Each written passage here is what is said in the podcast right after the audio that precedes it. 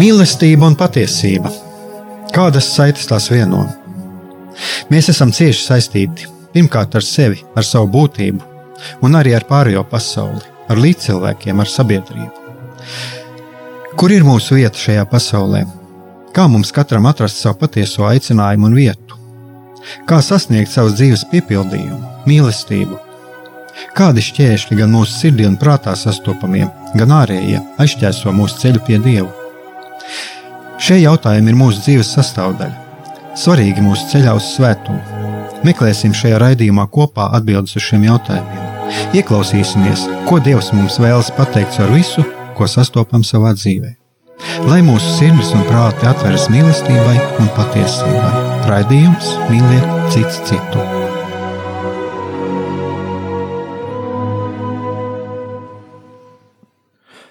Lai top slavēts Jēzus Kristus, esiet sveicināti, darbie radio klausītāji un arī skatītāji. Es ceru, ka arī es esmu redzams eh, YouTube tiešraidē.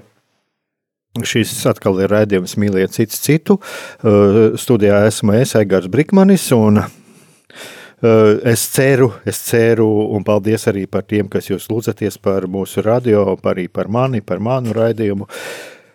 Un uh, man pazemībā atkal ir jāpieņem, ka uh, nu, nav man šodien šis viesis, un um, nu, jā, nu, šis ir tāds laiks, kad nav, nav viegli cilvēkus dabūt. Un, un uh, kā jau es laikam arī iepriekšējā raidījumā teicu, laikam būs jā, jā, jāiziet arī uz to, kad, kad es ierakstīšu kādu raidījumu. Un tagad es tātad pievērsīšos šodienas tēmai. Un šodienas tēma, kā jau jūs arī esat pieraduši, tas ir.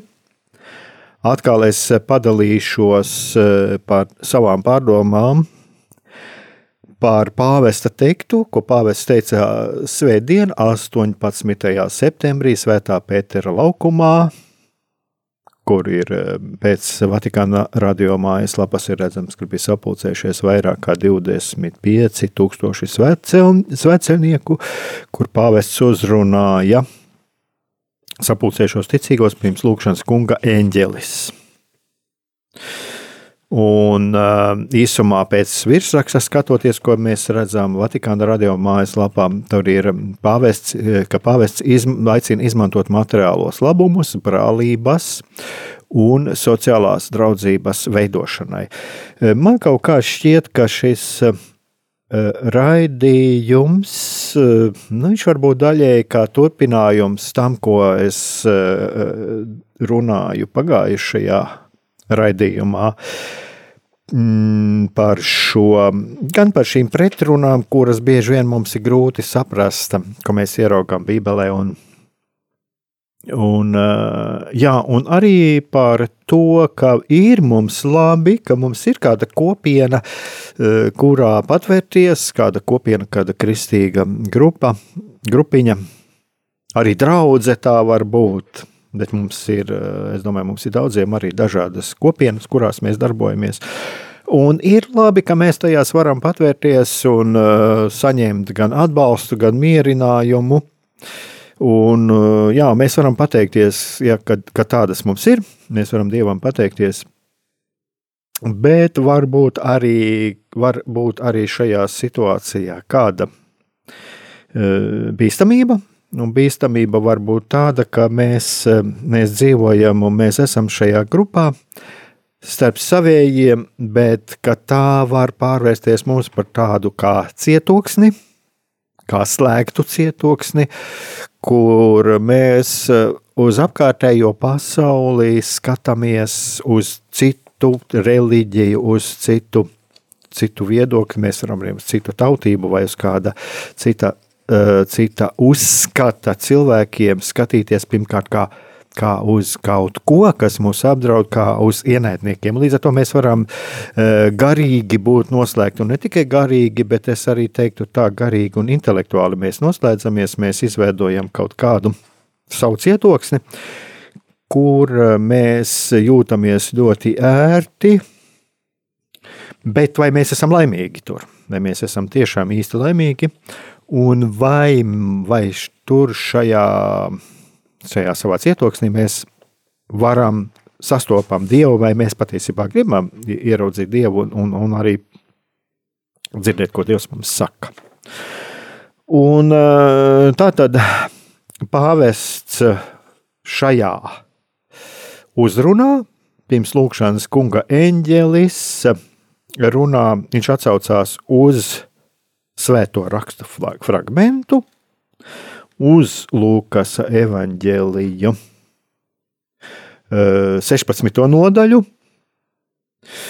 Un es jau arī, kā es runāju arī iepriekšējā rādījumā, arī man pašam bieži vien saskaroties ar to, kas ir rakstīts svētajos rakstos, ir bijuši jautājumi, un tādi jautājumi, kur, uz kuriem man bija grūti atrast atbildi, jo es tur saskatīju pretrunas Un pateicoties laika gaitā, eh, lasot dažādu garīgu literatūru, pašam izglītojoties un mēģinot saprast, gan arī pateicoties eh, dažādiem saviem garīgajiem pavadītājiem un, un arī pašam, pašam savām garīgajām, garīgajiem meklējumiem, Pamazām, pamazām radās šīs atbildes.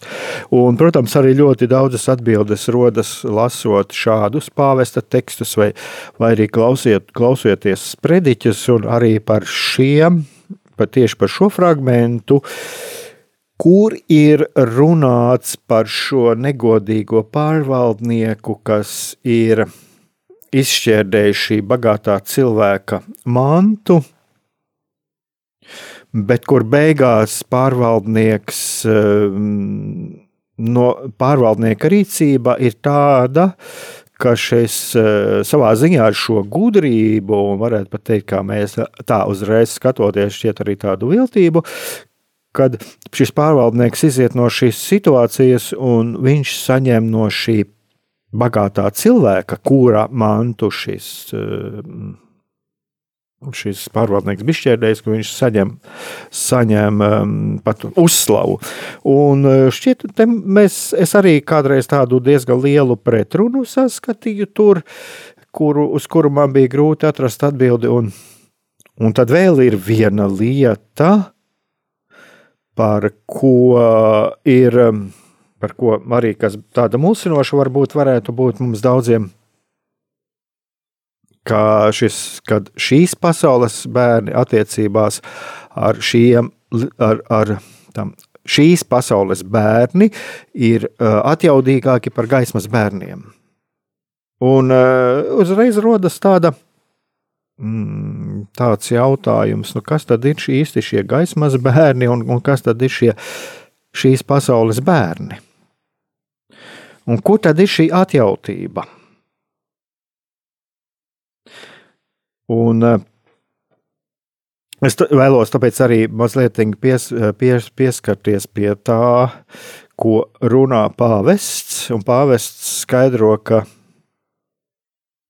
Lūk, viņš stāsta tā, pā, tā pāvesta skaidrojums. Ja kas saimnieks pieprasa viņam dot norēķinu par savu pārvaldīšanu, draudot atlaist no darba, taču viņš nepadodas, nepakļaujas liktenim, nespēlē upura lomu, bet sāk domāt un meklēt labāko risinājumu. Un es vēlos varbūt arī tāpēc atgriezties, lai būtu varbūt mazliet skaidrāks par šo. Nu, Protams, mēs esam bijuši uz misiju, un mēs esam dzirdējuši arī svēto rakstu, par, par, svēto rakstu uh, fragmentu,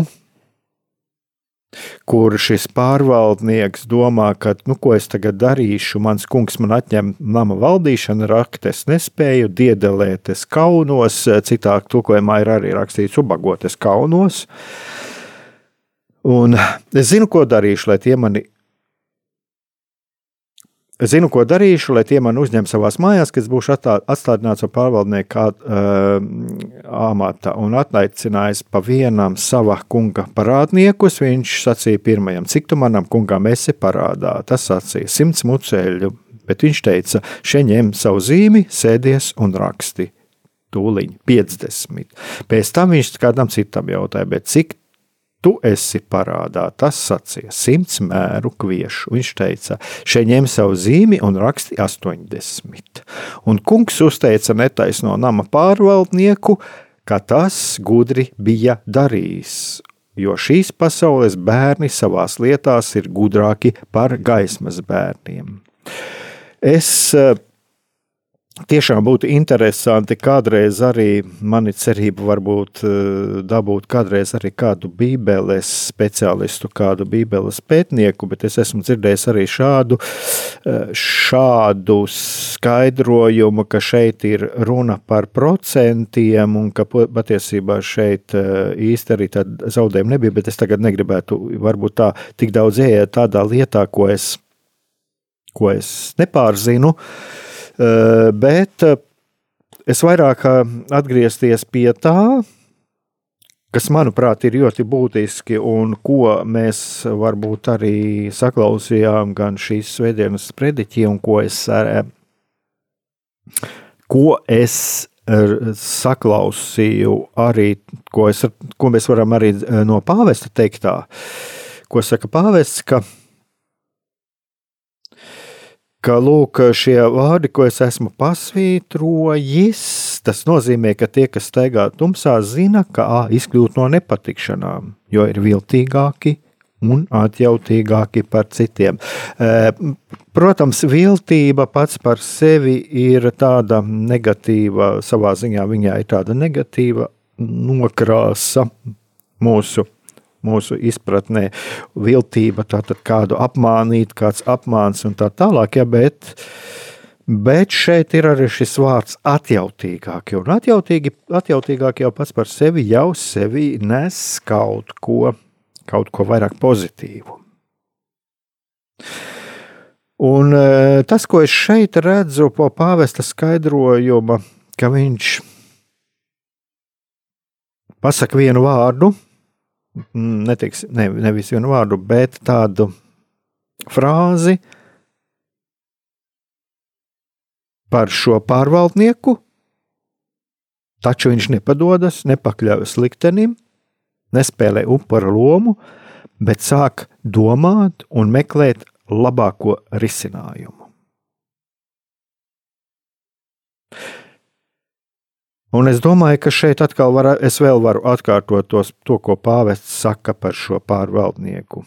Viņš nepadodas, nepakļaujas liktenim, nespēlē upura lomu, bet sāk domāt un meklēt labāko risinājumu. Un e, tad e, pāvests runā tālāk par to, ka Jēzus atsaucas uz šo stāstu, lai pateiktu, ka šīs pasaules bērni attiecībās ar sev līdzīgiem ir atjautīgāki par gaismas bērniem. Un, protams, ka šeit Šeit, eh, ja mēs paskatāmies arī svētajos rakstos, tad, protams, ka Jēzus runā par tādām tīri laicīgām un praktiskām lietām, un pašos pamatos mēs visur to saskatīsim, ka pašos pamatos tiek runāts lūk par šo, par šīm laicīgām, praktiskām lietām, un es domāju, ka gan gan tajā laikā, gan arī mūsu dienās. Tas ir tas, ar ko visvieglāk arī cilvēku var uzrunāt. Ehm, neliela provokācija, kas liek eh, padomāt, eh, vairāk mēģināt censties, ja viens cilvēks grib saprast, mēģināt censties iedziļināties. Bet katrā ziņā šeit ir runa par tīri tādām praktiskām lietām. Tā tad eh, parāds, un kā es ar šo parādu, ka es kā kaut ko esmu kļūdījies vai kaut ko sagrēkojis savā dzīvē, kā man no tā iziet ārā. Kā mums atrast risinājumu?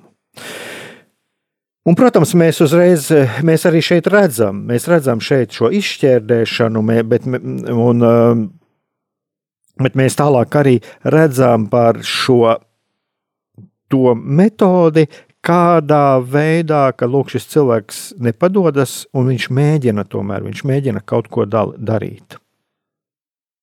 Un sākt un domā, kā iziet no šīs situācijas.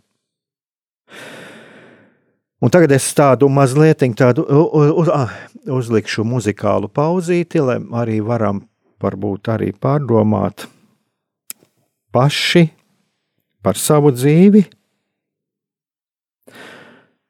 pārdomāt un vai mūsu dzīvē arī nav kaut kas tāds, kad tāda situācija, ka mēs eh, padodamies, varbūt mēs arī pakļāvāmies liktenim, varbūt arī mēs dzīvojam kaut kādā upuru lomā.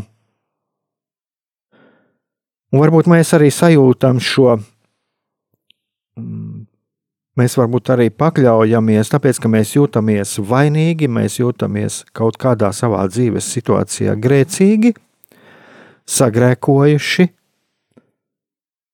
Bet eh, ko šajā dzīves situācijā, kurā mēs atrodamies, kur šajā situācijā mums ir Dievs un ko, ko Dievs mums eh, vēlās šajā brīdī pateikt? Un arī varam padomāt, ko katram mums eh, pats Jēzus saka caur šo svēto rakstu fragmentu. Go.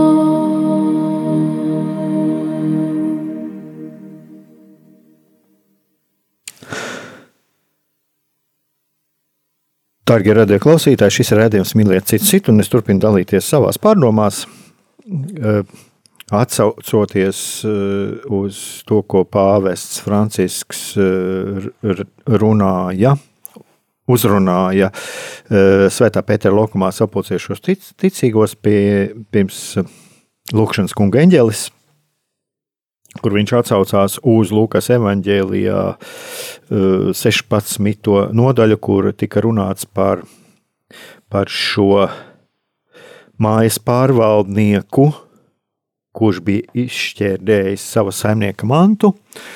Un kādā veidā, es teiktu, tādā viltīgā veidā viņš mēģināja šo situāciju atrisināt un par to, ka arī es kādreiz esmu piedzīvojis tādu pārsteigumu, ka lūk, es tomēr redzu pēc Jēzus vārdiem, kad to viņa rīcību, kā viņš no šīs situācijas iziet, Jēzus pat uzslavē.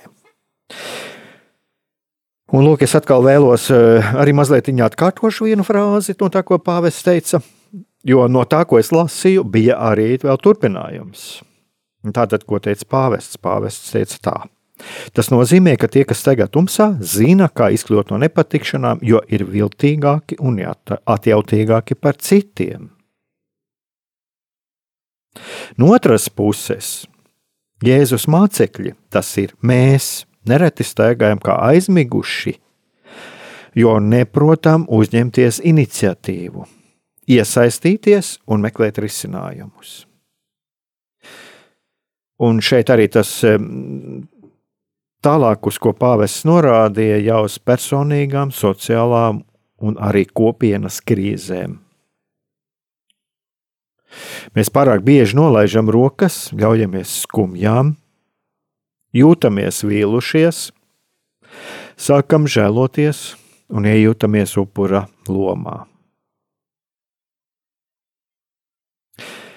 Bet tā vietā, Jēzus māca, ka mums vajag izmantot savu atjautību, būt modriem un uzmanīgiem, lai spētu saskatīt realitāti, būt radošiem, lai atrastu vislabāko risinājumu sev un citiem.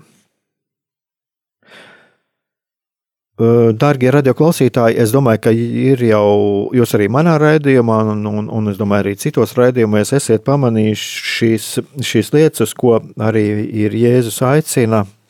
Un uz ko mēs visi esam aicināti. Tātad šie vārdi es pat vēlētos, lai būtu ļoti labi. Mēs visi kādreiz reiz par recipiētu atgrieztos.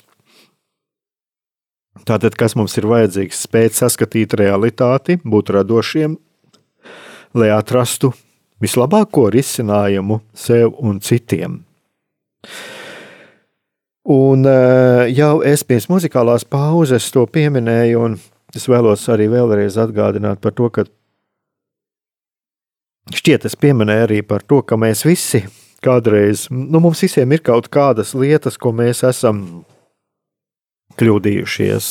Eh, mums visiem ir kaut kādi situācijas, kur mēs esam sagrēkojuši, un, un manuprāt, tā ir viena no tādām lietām, kur jābūt eh, arī paškristiskam, veselīgi paškristiskam, kas ir ļoti svarīgi, bet tā pašā laikā nekļūt par sevis tiesnesi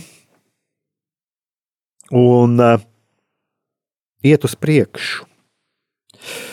Un tāpēc arī ļoti svarīgi apzināties to, ka kļūdīties, kļūdīties tas ir pilnīgi normāli. Mēs visi kļūdāmies, jo kurš nedara, tas nekļūdās.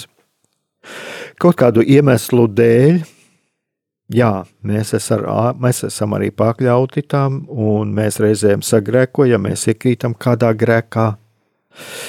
Un būt pietiekami drosmīgiem to atzīt, un, un, bet atzīt arī to, ka Dievs ir kā lūk šeit, un man šķiet arī šeit ļoti labi parāda, un es domāju, ka arī Jēzus to, uz to uz, norāda, uz Dievu kā uz to saimnieku, kurš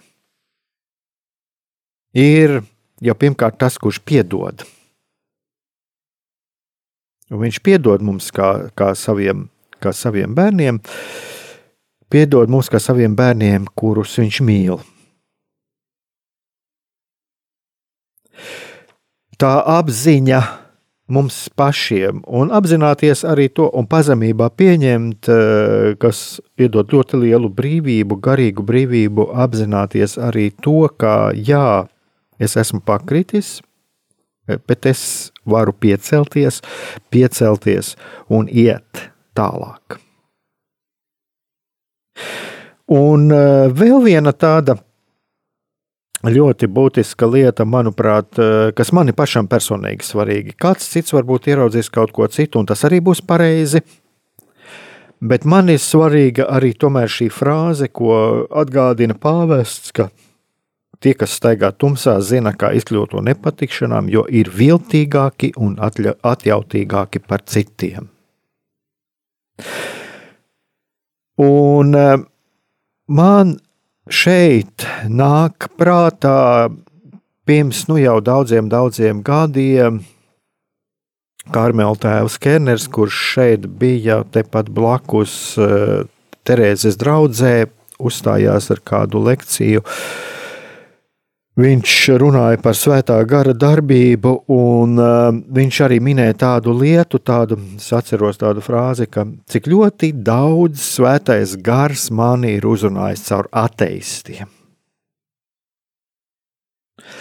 Cik ļoti daudz gudrības es esmu saņēmis caur ateistiem, kuri ir man devuši atbildi, kā man rīkoties savā, savas, savā dzīves situācijā.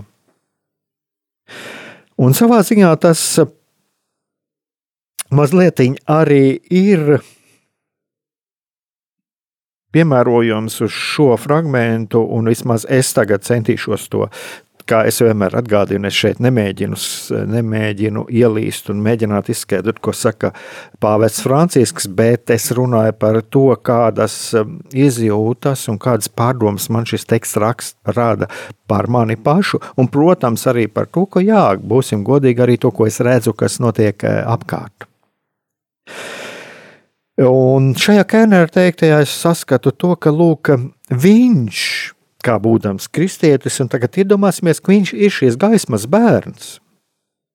Bet viņš ir šis gaismas bērns, kuram ir, ir šī gudrība būt atvērtam uz to, ko viņam saka tie bērni, kas dzīvo šajā pasaulē, kā pāvets saka, tie, kas staigā tumsā. Un eh, viņš ir viņš nevis vērtē cilvēku lūk pēc šīs kaut kādas, vai viņš pieder kristiešiem, vai viņš nepieder kristiešiem, bet viņš saklausa šo gudrību, ko šis cilvēks saka šo patiesību, ko šis cilvēks saka, šo, šī cilvēka ieteikumu. Jo uh, viņš arī toreiz minēja, es runāju par tēvu Kenneru, kurš minēja toreiz arī tādu lietu, ka mēs bieži vien ieliekam cilvēku kaut kādā rāmītī, un mēs viņu neuzklausām tikai tāpēc, ka mēs viņu redzam kā grēcinieku, vai arī mēs redzam viņā kādu grēku. Bet uh, būt pietiekami gudriem un uzklausīt tomēr šo lietu, kur cilvēks arī saka kādu labu lietu vai iesaka man kaut kādu labu ieteikumu, kas ir manā dzīvē veicams, ko viņš ir ieraudzījis labāk kā, labāk kā es. Un lūk, šis ir viens no tiem piemēriem, kas man uzreiz nāk prātā, ko var attiecināt par to, ka tie, kas staigā tumsā, lūk, zina, kā no šīm nepatikšanām izkļūt. Un es jau arī jau runāju par to, ka mūs jā, var mani sasaistīt arī manas bēdas kaut kādā ziņā par manu grēku, un es eh, sāku sev krāmēt virsū pārmetumus, un, un man šķiet šī manu kļūdu vai grēku nasta ir tā, kas mani nospiež, un es kļūtu, kļūstu pasīvs, zaudēju ticību sev saviem spēkiem, bet var būt arī daudzas citas lietas Mēs, piemēram, varam justies vīlušie, vīlušies par tām netaisnībām, kas notiek pasaulē. Mēs skumstam par šīm lietām, bet šīs skumjas ir tik lielas, un šī mūsu vilšanās ir tik liela, ka mēs zaudējam ticību labajam. Vai nav tā, ka mēs reizēm redzam sev arī apkārt cilvēkus, kuri ir zaudējuši ticību, ticību labajām, un kuri ir, kuru uzmanība, es jau esmu arī kādreiz šeit, šeit kaut kad jau iepriekšējos raidījumos runājis, kad mēs bieži vien ievērojam, mēs sekojam līdzi negatīvajām lietām, kas, protams, mums ir jāredz, tāpat kā mums ir jāsaredz un ir jāvēršās arī pret to ļaunumu, pret šo grēku, ko mēs redzam apkārt. Bet mēs nevaram, mēs nevaram iet nekur tālāk, ja mēs, ja mēs uh, redzam tikai šo negatīvo, bet uh, kur ir tas, kas mums var spēj iedot spēku šajā situācijā? Ja mēs ļaujamies skumjām, tad uh, mēs vairs nepamanām to, kas mūs var iepriecināt un stiprināt. Un tad sākās tas, ka mēs sākam žēloties un, un, un iejūtamies arī upura lomā. Un šeit ir man tāda ļoti liela uh, priekšrocība, kad mēs vakar šo tekstu uh, skatījām mūsu lūkšanu grupiņā, un uh, bija do, daudz un dažādas pārdomas arī Un katram ir kaut kāda sava bagātība, ko katrs pasaka par šo tekstu, kas viņu ir uzrunājis. Un tāpēc varbūt arī man šoreiz ir tāpat pat mazliet vieglāk par to par dažām lietām dalīties, bet tur bija arī runa par to, mēs runājām, ka, lūk, ka mēs esam savā lūkšanu grupiņā, mēs jūtamies ļoti komfortabli, Bet bieži vien mēs eh, arī varam ieraudzīt šo savā kristiešu vidē, ka mēs esam. Mm, tas ir tas, atcaucoties arī to, ko es jau iepriekš jau kaut kad jau te runāju, un arī šodien sākot raidījumu. Mēs jūtamies ļoti pareizi, mēs jūtamies ļoti uzklausīti šajā savā grupiņā, bet mums ir jāiet ārā, mums ir jāiet, jāiet ārā pasaulē. Un Vai mēs kādreiz neesam šajā cietoksnī iekšā, kur mēs jūtamies ļoti pareizi, un mēs nevēlamies ieraudzīt to, ka šī pasaule nemaz nav tik vienkārša.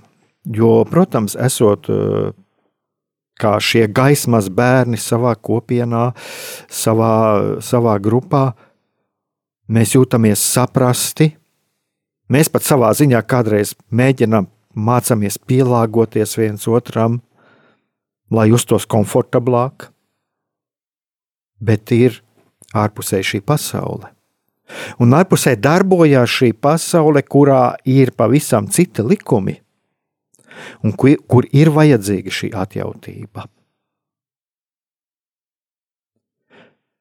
Un vai nav šī situācija kādreiz tā, ka mēs tiešām mēs dzīvodami savā komfortā, saskaroties ar tām pretrunām, kas ir gan baznīcā, gan pasaulē,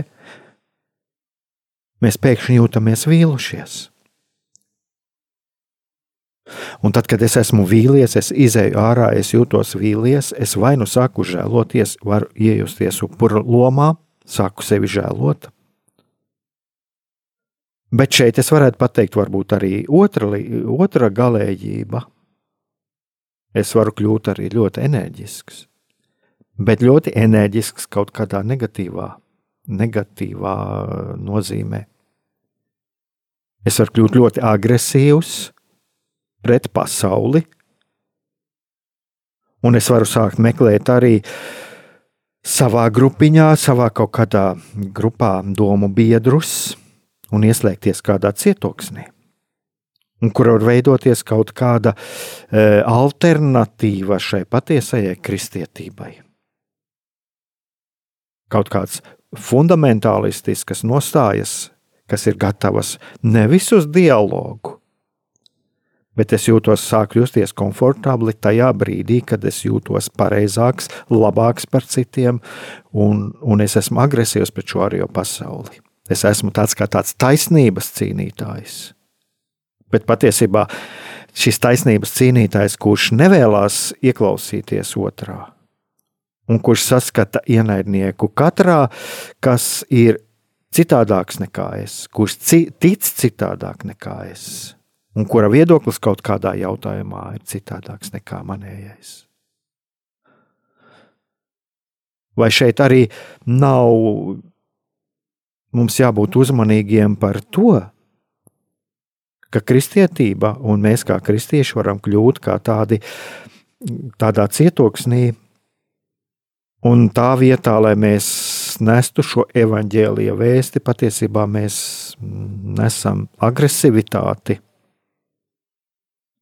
Tā vietā, lai mēs mēģinātu veidot dialogu, saglabājot savu identitāti, savu viedokli, savu skatījumu,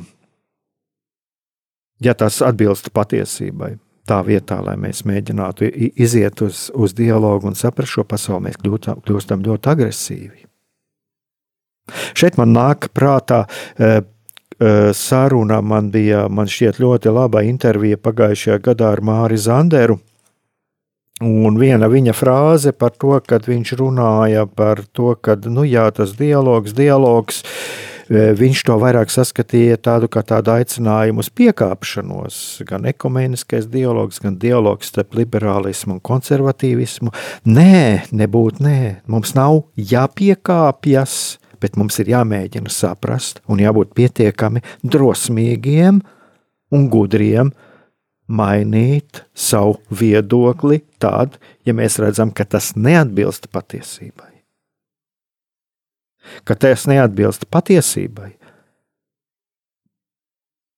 ka tas nenes neko labu, ka tas uh, ir kā kaitējums gan man, gan citiem. Un, manuprāt, šeit ir arī šī atjautība, atjautība kas iet kopā tiešām arī ar pazemību un drosmi būt atvērtam un vajadzības gadījumā arī mainīties. Es redzu, ka tas, kā es redzu šo pasauli, ka tas nav gluži tā, kā tas ir realitātē.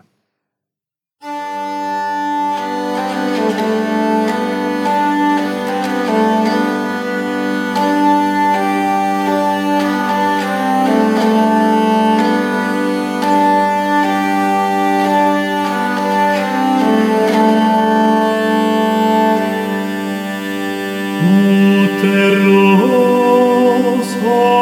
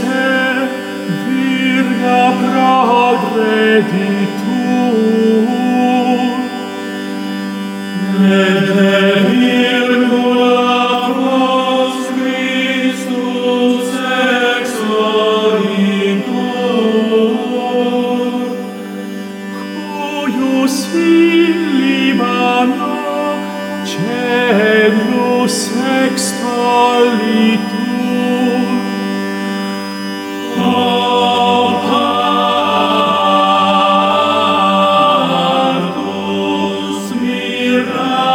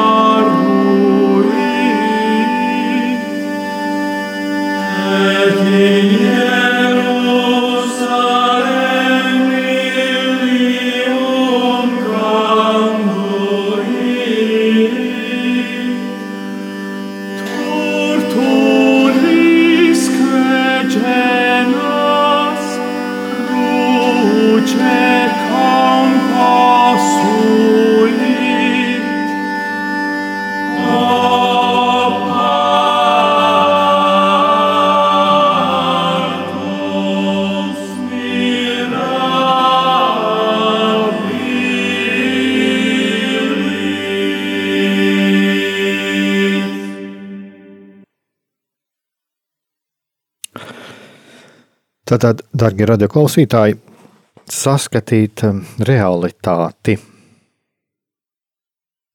Saskatīt realitāti un uh, jā, mācīties saskatīt realitāti arī par sevi un par to, kas ir apkārt.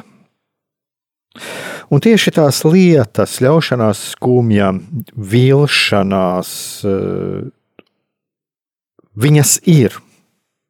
Mums ir kādreiz skumjas, mēs jūtamies vīlušies, un tas ir pilnīgi normāli. Bet, ja mēs tam ļaujamies, mēs varam ātri vien nolaist rokas. Mēs sākam žēloties un sākam justies kā upuri. Un tieši tās ir tās lietas, kuras mūs pārņēma, kuras mūs pārņēma ar šīm tumšajām domām, ar, bezcer, ar šīm bezcerības domām, kas mūs padara maz enerģiskus. Un tieši tas ir, kas mūs bloķē uz to, lai mēs spētu saskatīt realitāti, būt radoši un lai atrastu vislabāko risinājumu sev un citiem.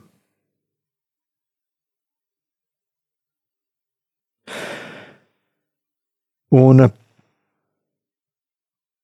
protams, te tālāk arī pāvests runā par, par to, kā nu, atcaucieties arī šeit uz šiem svēto, svēto rakstu fragment runā par to, arī par šo gudrību, par šo, par šo zemnieku parādnieku, kurš cenš, cenšas sadraudzēties ar citiem. Par pārvaldnieku, kas cenšas sadraudzēties ar zemnieku parādniekiem, cerot, ka zemnieks viņu izdzīs, tie viņu uzņem savās mājās. Un uh, Arī savā ziņā mēs redzam tādu divdomīgu situāciju, bet nu, ir tā lieta, jā, kur, kur arī pāvests runā par to, kā viņš šos skaidro šos svētos rakstus. Šeit gan es to redzēju, ka lūk, šis pārvaldnieks viņam ir šī gudrība, un to es arī vienā sprediķē dzirdēju, arī, kad ir šis, kad lūk, meklēta arī šo sadraudzību ar citiem cilvēkiem.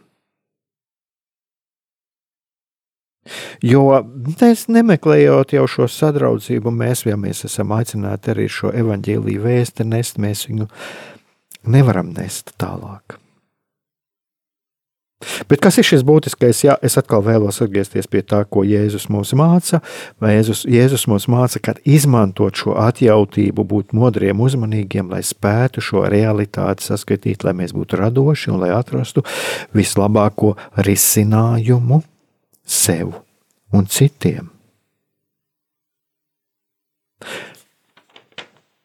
Un, eh, jā, to es redzu, to es redzu arī savā dzīvē, cik, cik ļoti svarīgi ir būt modram un būt modram tieši ne tik daudz, varbūt kādreiz uz to, kas uh, notiek apkārt, kas, protams, arī ļoti svarīgi kā jau es teicu, arī nedzīvot tādā savā cietoksnī, bet būt modram arī uz to, kas notiek manā garīgajā dzīvē. Būt modram un uzmanīgam, lai es spētu laicīgi atklāt to, kas man traucē saskatīt šo realitāti, manu radošumu eh, un to, kas, eh, caur ko es varu atrast šo vislabāko risinājumu sev un citiem. Tā tad būt modram. Un noslēdzot šo raidījumu, es arī vēlos citēt pāvesta teikto. Mēs, kristieši, esam aicināti nepakļauties mazdošībai, nebūt vienaldzīgiem, bet būt atvērtiem un radošiem, darot labu un daloties ar citiem. Te runa nav par tikai par materiālām lietām, bet par visām dāvanām, ko mēs esam saņēmuši no kunga. Tās mēs esam saņēmuši nevis lai bagātinātu sevi, bet lai dalītos ar citiem, stiprinātu draudzību un veidotu brālīgas attiecības. Tas lūk, ir pāvesta teiktais. Un to es arī vēlētos ar to noslēgt šo rādījumu. Tiešām, lai, mums, lai mēs esam atvērti, lai Dievs mums palīdz, palīdz būt uh, atvērtiem, radošiem, būt atjautīgiem savā dzīvē, lai mēs spētu šo realitāti. Sa, a, a, ieraudzīt šo realitāti, lai mēs būtu radoši un, un tiešām, lai mums izdotos atrast vislabāko risinājumu sev, un arī citiem, tiem cilvēkiem, kas mums ir blakus. Un eh, noslēgšu ar pāvesta vārdiem. Lūksim svētāko jauno Mariju, lai viņa palīdz mums būt līdzīgiem viņai, nabadzīgiem garā un bagātiem savstarpējā mīlestībā.